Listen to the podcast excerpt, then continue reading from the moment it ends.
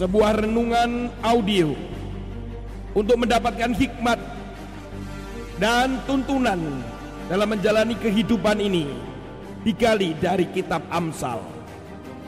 Inilah audio inspiring message yang dibedah dan dibawakan oleh Tony Nardi Wiono. Selamat mendengarkan.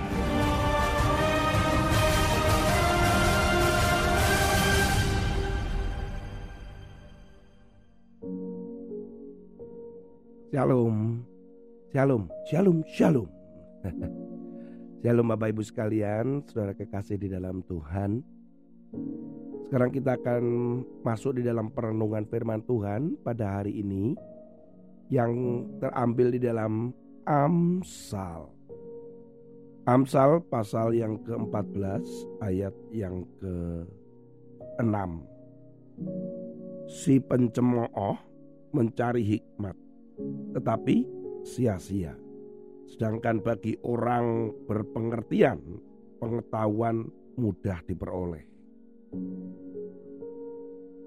Saudara pernah mendengar ada satu kalimat bahwa belajar itu tidak pernah mengenal usia. Karena belajar itu adalah seperti sebuah lingkaran yang di dalam hidup itu tidak pernah berhenti. Artinya belajar, belajar, belajar dan belajar. Hal ini dibuktikan oleh seorang mahasiswa fisika mendapatkan gelar PhD atau dia menyelesaikan S3-nya di usia 89 tahun, Saudara. Ini bukan main-main usia 89 tahun itu adalah usia yang dikatakan bahwa anugerah di mana usia yang tua yang orang mungkin berkata bahwa banyak kemampuan pada usia-usia tersebut adalah menurun. Dia adalah dokter Manfred Steiner Steiner ini mengaku bahwa telah menjadi cita-citanya dan mimpinya sejak kecil. Dia ingin mewujudkannya dengan mengambil kuliah di Brown University. Saudara kekasih di dalam Tuhan, usia 89 tahun, gak main-main saudara. Terkadang kita ini saja merasa bahwa sudah tua lah, sudah. Bahkan dalam beberapa pelayanan pun kita merasa bahwa ketika nanti tua, ketika usianya sudah tua mau pensiun katanya. Sudahlah saya pensiun. Saudara di dalam Tuhan, kita ini masa ada pensiun. Ketika kita itu melayani Tuhan. No. Kita akan terus belajar, kita akan terus belajar. Sampai hari ini pun saya masih belajar. Ada banyak hal yang saya, istri saya ingin pelajari. Saudara, usia ini tidak membatasi kita untuk belajar.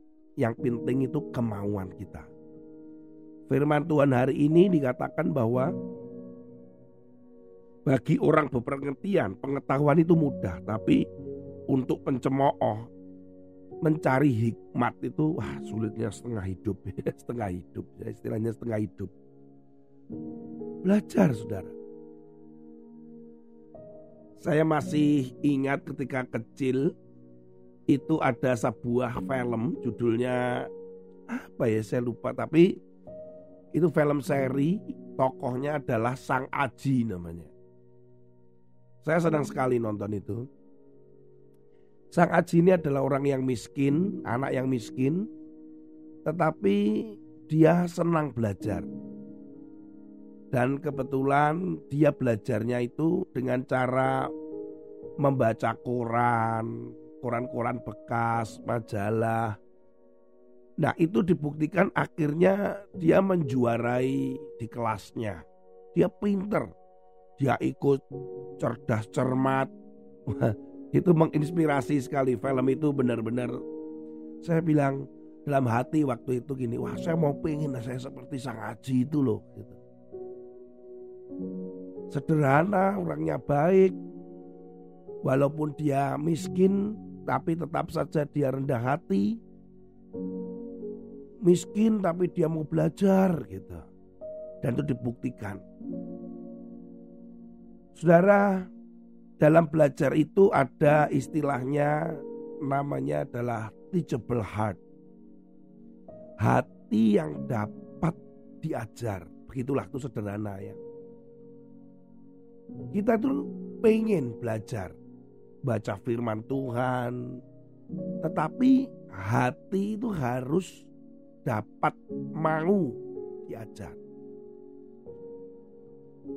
Seringkali ketika mempunyai jabatan tertinggi atau mungkin mendapatkan atau memiliki kekayaan atau mungkin karena sudah memiliki ilmu yang dirasa tinggi sulit sekali untuk belajar lagi.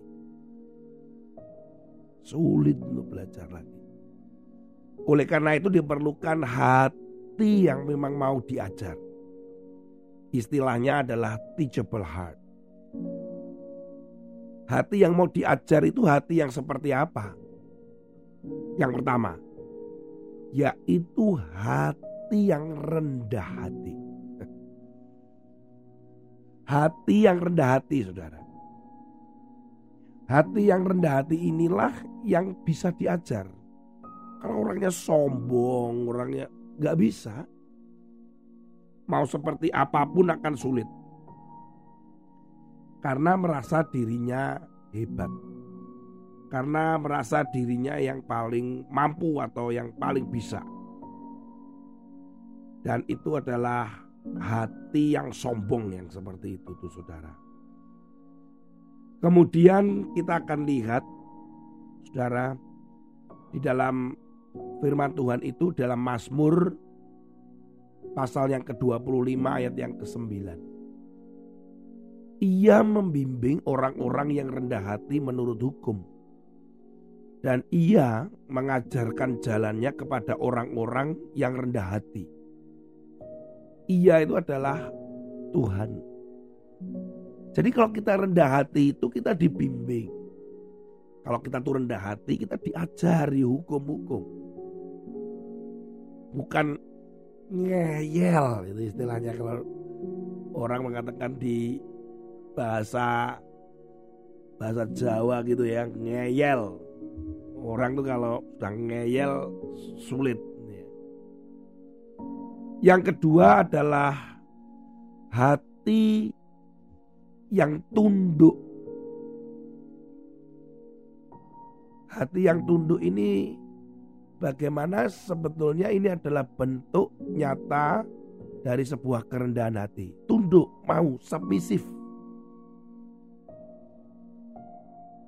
Ini sebagai orang percaya, ini Tuhan senang sekali. Orang yang tunduk, orang yang tunduk itu adalah tunduk untuk melakukan. Jadi mau melakukan. Jadi tolong ini dilakukan ini ya mau. Orang yang tunduk itu orang yang mau dan mau berubah itu orang-orang yang tunduk, submisif. Yang ketiga adalah hati yang memiliki keinginan ya hati yang memiliki keinginan dan kerelaan. Ya rela.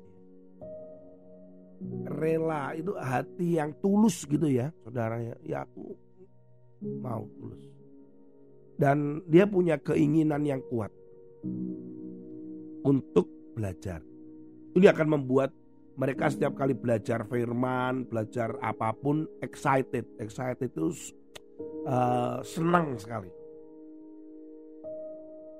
Saya setiap hari merenungkan firman Tuhan di Amsal ini itu senang sekali sehingga saya punya buku, punya segala sesuatu. Waduh, saya haus gitu ya. Jadi uh, hati yang mau diajar. Kadang juga ada hal-hal yang baru yang itu membuat hal-hal yang lama yang pernah saya tahu itu harus dibongkar. Kadang harus ditambah.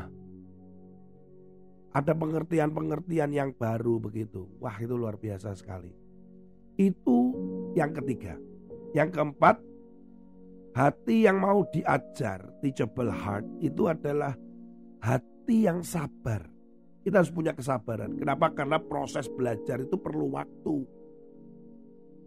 Kadang ada yang punya kemampuan yang mungkin perlu waktu yang singkat. Tapi ada orang yang perlu waktu cukup lama untuk belajar sesuatu.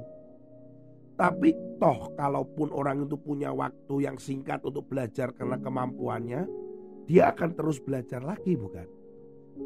Jadi itu perlu kesabaran demi kesabaran.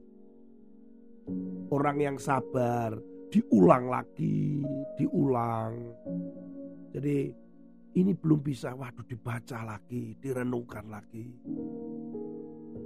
Wah saya ternyata dalam melakukan firman dari apa yang saya baca kayaknya gagal ini. Maka kita harus sabar untuk mencoba lagi, melakukan lagi. Yang kelima adalah hati yang percaya. Saudara, orang yang mau diajar itu harus percaya dengan gurunya. Kalau saudara nggak percaya kepada Yesus, saudara nggak percaya Tuhan, mau diajar apa tentang firman? Kita di sekolah mau menerima, menangkap sesuatu, itu karena kita salah satunya percaya kepada guru kita atau dosen.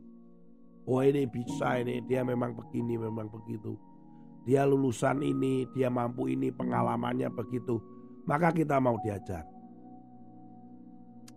Kalau tidak sesuai dengan itu kadang loh ini kok tak kok bisa ya itu dan sebagainya. Jadi ketika kita percaya kepada Tuhan, kita percaya kepada Yesus, maka otomatis maka kita mau untuk diajar. Jadi kelima hal tadi adalah bagaimana kita mempunyai hati yang mau diajar. Bagaimana dengan saudara? Maukah kita diajar? Wah pak sudah tua pak saya. Saudara, di jemaat kami atau tim pelayanan kami ada seorang bapak usianya 100 tahun lebih saudara. Tapi kalau mendengarkan firman Tuhan itu tetap semangat. Dia seorang tukang becak. Kalau puji-pujian pun, wah dia juga semangat sekali saudara. Yang muda-muda aja bisa malu melihat bagaimana dia memuji Tuhan. Tidak ada batas usia saudara. Kita belajar, kemudian kita mengikut Tuhan, terus kemudian kita tetap melayani. Ambil pelayanan yang mana itu bisa uh, tetap saudara lakukan. Walaupun usianya makin tua atau mungkin keterbatasan dari fisik, tetapi jangan itu membatasi saudara belajar dan melayani Tuhan. Saya berdoa bahwa teruslah belajar firman Tuhan untuk mendapatkan hikmat. Bukan hanya belajar tetapi lakukan. Orang belajar tapi nggak melakukan buat apa saudara ya. Kita baca firman tapi kita nggak melakukan itu sama dengan bohong. Mari kita terus semangat melayani Tuhan dan belajar dan melakukan firman. Tuhan Yesus memberkati saudara. Haleluya. Amin. Aku mengasihi Engkau Yesus. Dengan segenap hatiku Aku mengasihi Engkau Yesus. Dengan segenap